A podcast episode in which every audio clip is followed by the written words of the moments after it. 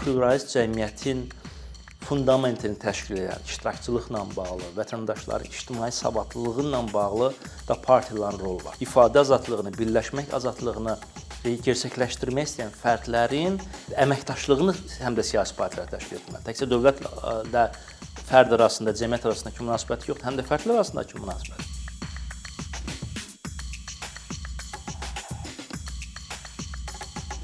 Akif bəy salam, xoş gördük sizə ikincidə.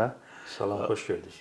Bilirik ki, son dövrlər Azərbaycanda bu siyasi partiyalar haqqında qanuna dəyişikliklər təklif edilib və Bu dəyişikliklər parlament müzakirəsinə çıxandan sonra müəyyən çevrələrdə müzakirələrə səbəb oldu. Elə bu baxımdan mən istəyirəm ki, söhbətimizi siyasi partiyalardan başlayaq. İlk sualım belə olacaq ki, siyasi partiyaların fəaliyyət göstərməsi üçün normal şəraitin olması, ümumiyyətlə siyasi partiyaların yaxşı bir mühitdə fəaliyyət göstərməsi niyə vacibdir? Və yaxud əks tərəfdən siyasi partiyaların normal fəaliyyəti üçün ölkədə mühit olmadıqda biz hansı problemlərlə üzləşə bilərik?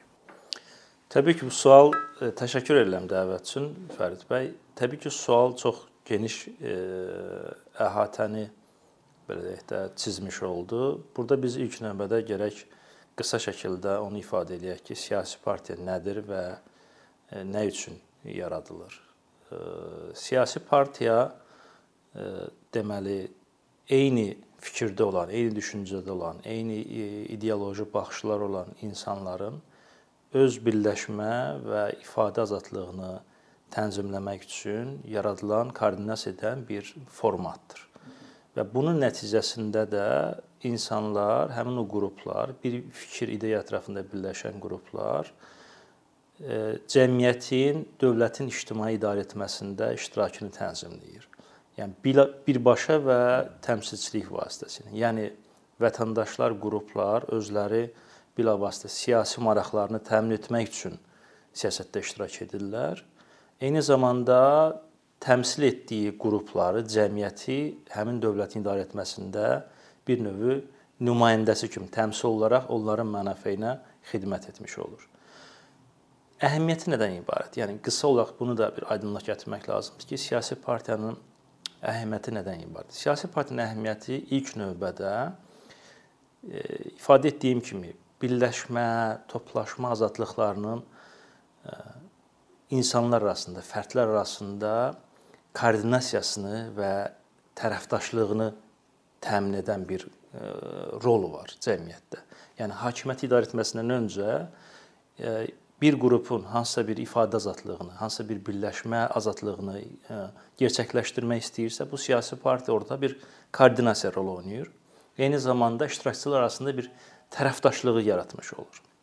İkinci rolu ondan ibarətdir ki, əhəmiyyəti ondan ibarətdir ki, siyasi e, partiyalar dövlətin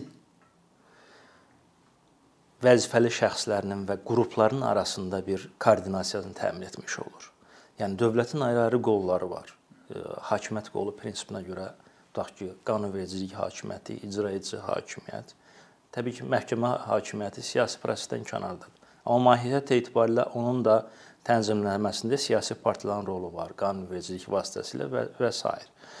Bu nöqteyi nəzərdən dövlətlərə dövlətin vəzifəli şəxsləri arasında iyerarxik sistemdə, eyni zamanda dövlətin qolları arasında da bu koordinasiya prosesinin təminində siyasi partiyaların rolu var. Üçüncü bir rol ondan ibarət, əhəmiyyət ondan ibarətdir ki, siyasi partiyalar öz proqramları vasitəsilə seçicilərin fikirlərini həmin proqramlar ətrafında toplayaraq ölkənin e, inkişafında rol alırlar. Bir növ proqramı təklif edirlər və bu proqram vasitəsilə fərdlərdən dəstək alırlar və bunu da gerçəkləşdirirlər. Bu proqramlar gerçəkləşmədikdə isə həmin şəxslərin etirazı ilə bu proseslər dəyişir və növbətçi bir başqa partiya onu əvəz etmiş olur. Bir, bir növ belə deyək, fərdlərlə dövlət münasibətlərini tənzimləyir. Fərdlər arasında münasibəti tənzimləyir Dövlətin içərisində münasibətləri tənzimləyir, bir də fərdlərlə dövlət arasında münasibətləri tənzimləyir. Əhəmiyyəti e, bu baxımdan çox əhəmilidir.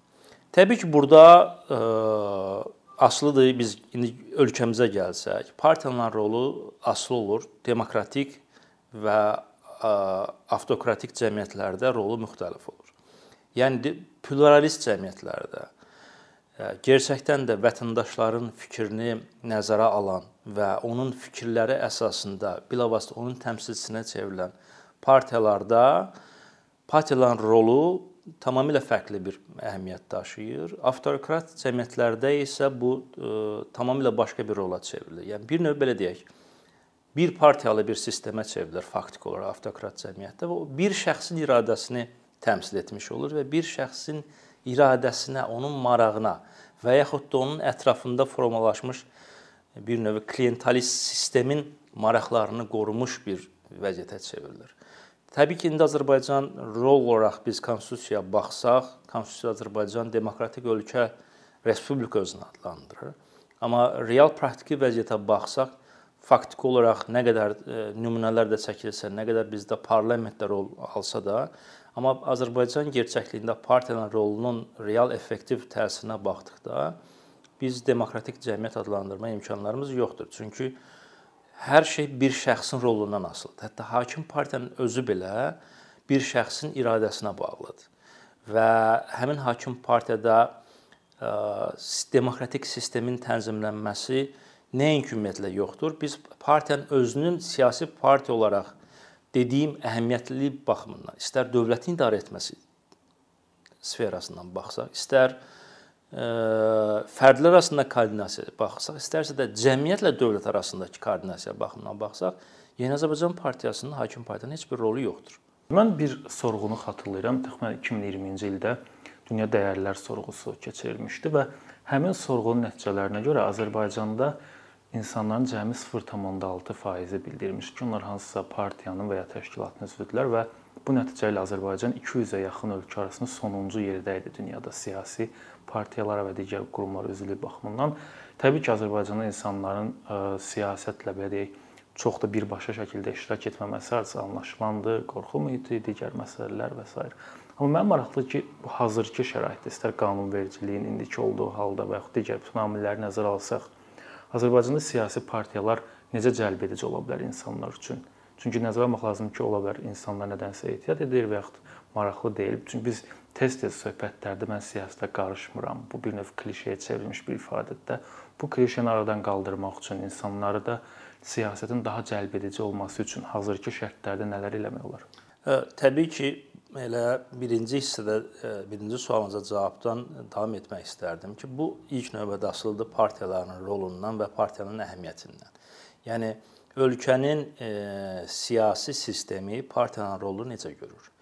Təəssüflər olsun ki, e, biz e, xüsusən Avropa Şurasının üzv olduqdan sonra və 2003-2005-ci illər e, dönəmindən bu yana, bu yana Yəni İlham Əliyevin hakimiyyətə gəlişi eyni zamanda Azərbaycanda neft kontraktlarından e, real nəticəyə çevrilən neft gəlirlərinin artması fonunda Azərbaycanda siyasi partiyaların ümumiyyətlə siyasi iştirakçılığın rolu e, kifayət qədər məhdudlaşdı. Yəni baxmayaraq ona qədər də e, biz onu demokratik pluralist bir sistem kimi adlandırmamızla bağlı xeyli şübhələr var idi. Amma buna rəğmən bu prosesdə tendensiya daha da daha da qapanmağa getdi. Bu nöqteyi nəzərdən əslində məhz o iştirakçılığı məhdudlaşdırmaq üçün, yəni e, ölkəni idarə edən hakim e, iradənin yanaşması bundan ibarətdir ki, o siyasi iştirakçılığı məhdudlaşdırmaq üçün bir neçə faktorları e, belə deyək, gerçəkləşdirmək lazımdır. Biri ondan ibarətdir ki, siyasi partiyanın rolunu azaltmaq. İkincisi ondan ibarətdir siyasi partiyaların belə də rolunu e, gerçəklikdə e, icraya çevirə biləcək alət olan seçki e, sisteminin belə deyək, təsəvvürlər, seçki haqqında təsəvvürlər ümumiyyətlə seçim imkanlarının sıfıra endirilməsi və nəticə itibarilə vətəndaşın iradəsi ilə dövlətin idarə olunmasının formalaşması. Baxmayaraq biz konstitusiyada yazılıb ki, hakimiyyətin mənbəyi xalqdır, amma faktiki olaraq hakimiyyətin mənbəyinin xalq olduğunu nə hakim sinif heç bir halda göstərməməyə çalışıb. Əksinə, məhz xalqın olmadığını göstərməməyə çalışıb. Eyni zamanda xalqın da bu ayrı-ayrı fərdlərinin bu prosesdə, yəni bu belə deyək, mübarizə sistemində effektsizliyi, siyasi partiyaların və ya siyasi qrupların fəaliyyətlərinin və ya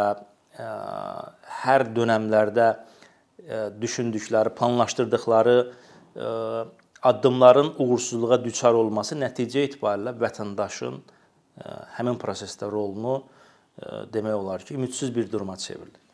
Burada bu rolla yanaşı eyni zamanda təbii ki, bir də cəmiyyətin nə qədər savadlılığına bağlıdır. Söhbət təhsildən, təkcə təhsildən getmir, həm də ictimai savadlılığından gedir. Yəni bu ictimai savadlılığının inkişafında təəssüflər olsun ki, hakim partiya və ya hakim düşərgə ilə yanaşı eyni zamanda siyasi partiyalar, hətta ona müxalif olan siyasi partiyalar da effektiv fəaliyyət göstərə bilməyiblər. Effektiv fəaliyyət göstərməmək təkcə hakimiyyəti dəyişməklə belə deyək də təsvir olunmamalıdır. Eyni zamanda təkcə siyasi seçkilərdəki qələbə çalmaqla təsvir olunmamalıdır. Həm də demokratik pluralist cəmiyyətin fundamentini təşkil edən iştirakçılıqla bağlı, vətəndaşların ictimai savadlılığı ilə bağlı da partiyaların rolu var. Dediyim kimi, ifadə azadlığını, birləşmək azadlığını gerçəkləşdirmək istəyən fərdlərin koordinasiyası və tərəfdar onların belə əməkdaşlığını həm də siyasi partiyalar təşkil etməli. Təkcə dövlətlə fərd arasında, cəmiyyət arasındakı münasibət yoxdur, həm də fərdlər arasındakı münasibət. Bu nöqteyi nəzərdən siyasi partiyalar ən azından hakimiyyətin dəyişməsinə gücü çatmasa da, fərdlər arasında bu rolu tənzimləməkdə rol almalıdırlar. Hər iki tərəfin birinin bəlkə də bilərəkdən, birinin bəlkə də bilmərəkdən ya zəlzələdən ya vəlvədən nəticə etibarilə belə bir rəy formalaşıb ki, vətəndaş ümumiyyətlə ölkədə vətəndaş olma hüququnun və onun vasitəsilə dövlətin ictimai idarə etməsində rolunun olmasını və bilhəssa konstitusiyada göstərildiyi kimi xalqın mənbəyinin, daha doğrusu hökumətin mənbəyinin məhz xalq, o cümlədən onun fərdinin olması tezisini tamamilə yox edib. Nəticə etibarilə biz nəyi qəbul edirik? Vətəndaş hesab edir ki, ümumiyyətlə Azərbaycanda oturmuş artıq belə bir fikir var ki, yuxarıda həll olunan məsələləri, yəni seçkidir, parlamentdir, prezidentdir, dəyişimdir, hətta korrupsiya ilə mübarizədir, hətta neft gəlirlərinin bərabər və effektiv və şəffaf şəkildə idarə edilməsidir. Bu faktorların heç birində o xalqın fərdlərinin rolu yoxdur. Nəticə etibarilə hər seçki dövründə və ya hər aktivlik dövründə uğursuzluğa düçar olduqdan sonra e, hakim bir fikrin formalaşmasına gətirib çıxardı ki, proseslərin həlli vətəndaşın əlində deyil, proseslərin həlli ondan kənardadır, onun iradəsindən kənardadır. Bu da avtomatik iştirakçılığı ciddi şəkildə məhdudlaşdıran, ən azından mənəvi baxımından e, daxili inam nöqteyi nəzərdən mümkünsüz hala çevirən bir vəziyyətə gətirib çıxardı. Çox maraqlı bir məqama toxundunuz ki, müxalifət partiyaları məsələn tək edə biləcəyi şey hakimiyyətə gəlməklə yanaşı ictimai savadlılığı artırmaqla bu siyasi proseslərə təsir edə bilərlər. Məndə belə bir sual ortaya çıxdı ki, bəs vətəndaş cəmiyyətinin bu prosesdə yeri hardadır? Vətəndaş cəmiyyəti təşəbbüslər və yaxud digər qruplar ölkədə siyasi mühitin yaxşılaşmasına, siyasi partiyaların və ictimai savadlılığın artmasına necə təsir edə bilər və necə təsir edir? Təbii ki, bir e, əlavəmi xüsusən e, e, təqdim etmək istərdim ki, e, mən dediyim e, səbəblər təkcə məhdudlaşdırmayıb iştirakçılığı, həm də hakimiyyətin e, ümumiyyətlə ictimai e, pluralizm mühitini tamamilə darlaşdırılması, yox faktiki yoxa çevrilməsi, faktiki olaraq siyasi partiyaların bir növ satellit funksiyalara çevrilməsi nəticə etibarilə kimləri isə karyera mübarizəsindən e, əsas məqsəd olduğunu, bu prosesin arxasında dayandığından formalaşmış ictimai fikir, eyni zamanda zorakı aparat e, bu prosesdə iştirak edən tərəflərin üzləşdiyi e, belə deyək də qanunsuzluqlar davamlı hal alması, repressiyaların davamlı hal alması da daha böyük miqdarda öz təsirini göstərib. Burada bu mühitin fonunda təbii ki, vətəndaş cəmiyyətinin də rolu kifayət qədər məhdudiyyətlər gətirib çıxardır. Eyni zamanda ümumiyyətlə yanaşmada da məhdudiyyətlər gətirib çıxardır. Təbii ki, mən o fikirdən tamamilə qatılıram ki, siyasi iştirakçılıq təkcə siyasi partiyalardan yox, həm də dediyiniz, vurğuladığınız kimi ictimai savadlıq, həm də vətəndaş cəmiyyətinin və o cümlədən də medianın rolundan çox asılıdır. Təəssüflər olsun ki, bu günə qədər o aparılmış avtokrat siyasətin nəticəsində faktiki olaraq vətəndaşlarda bu ictimai savadlılığın təsir gücünü kifayət qədər məhdudlaşdırıb. Buna rəğmən vətəndaş cəmiyyəti də fəaliyyət göstərir ölkədə, siyasi partiyalar da fəaliyyət göstərir ölkədə, eyni zamanda media da fəaliyyət göstərir ölkədə. Yəni biz sıfırdır deyə bilmərik, yoxdur deyə bilmərik. Cəhd göstərənlər var, effektiv təsir göstərmək üçün çaba sərf edənlər var. Nə qədər təsir gücünə sahibdir? Təbii ki, bu təsir gücünə sahib olması üçün birincisi ünsiyyət mühiti olmalıdır. İkincisi resurslar olmalıdır həmin şəxslərin ideyalarının gerçəkləşdirilməsi üçün. Üçüncüsü e, kommunikasiya qurmaq imkanları olmalıdır. Bilavasitə ünsiyyəti real e, vəziyyətə çevirmək üçün. Yəni bu bu vəziyyətlərdə xeyli çatışmazlıqlar var. Başqa bir tərəfdən təbii ki, mən həm də o məsuliyyətdən ə, kənarda durmanın tərəfdarı deyiləm ki, bu vəziyyətin yaranmasında təkcə siyasi partiyalar yox, o cümlədən vətəndaş cəmiyyəti, medianın da rolu var. Yəni bizim mövcud olan ölkədə ə, vətəndaşın bu prosesdə iştirak edə bilməməsi və yaxud da effektivliyinə inanmaması. Eyni zamanda hakimiyyətin bu sistemi formalaşdırıb ə, realizə etməsi həm də bizim məsuliyyətimizdir. Yəni bizlərin mən özümü özümü də bu prosesin içərisinə daxil edirəm ki, bizlərin məsuliyyətidir ki, əgər dəyişimi istəyən, gerçəkdən demokratik bir cəmiyyətin qurulmasını istəyən ə, fərdlər Azərbaycanda varsa və bu fərdlər Azərbaycanda gerçəkdən də bu cəmiyyətin formalaşmasını istəyirsə, bütün güclərini, imkanlarını səfərbər etməlidir. Amma eyni zamanda hesab edirəm ki, burada biz fundamental məsələlərə yanaşmalıyıq. Yəni yalançı ümidlər üzərindən e, və bu ümidləri xüsusən də ölkədən kənarda axtarmamalıyıq. Bilavasitə e, yəni ölkənin içində olan vətəndaşlarla onun qurumları arasında münasibətlər formalaşmalıdır. Eyni zamanda Yəni vətəndaş cəmiyyətin özü də bu proseslərdə ideal olmalıdır. Yəni əgər bir ölkədə pluralist bir cəmiyyətin formalaşmasına, siyasi partiyanın rolunun güclənməsinə imkanlar yoxdursa və ya bu imkanlar qapanmağa doğru gedirsə, heç bir halda orada nə vətəndaş cəmiyyəti mövcud ola bilər, nə də müstəqil media ola bilər. Eyni qaydada da siyasi partiyalar ə, mövcud ola bilməz. Əgər müstəqil media yoxdursa, vətəndaş cəmiyyəti yoxdursa, yəni bunlar demokratik cəmiyyətin olmazsa olmaz sütunlarıdır və bu sütunlar nəticə etibarilə bu iştirakçılığı gətirib çıxardacaq. Bu iştirakçılığın güclənməsi nəticə etibarilə ölkənin inkişafına gətirib çıxardacaq. Bu nəticə etibarilə ölkənin hər bir vətəndaşının rifahlı, sağlam, e, təhlükəsiz, e, hür yaşamasını təmin etmiş olacaq. Çox sağ olun Akif bəy, çox xoş oldu. Təşəkkürlər.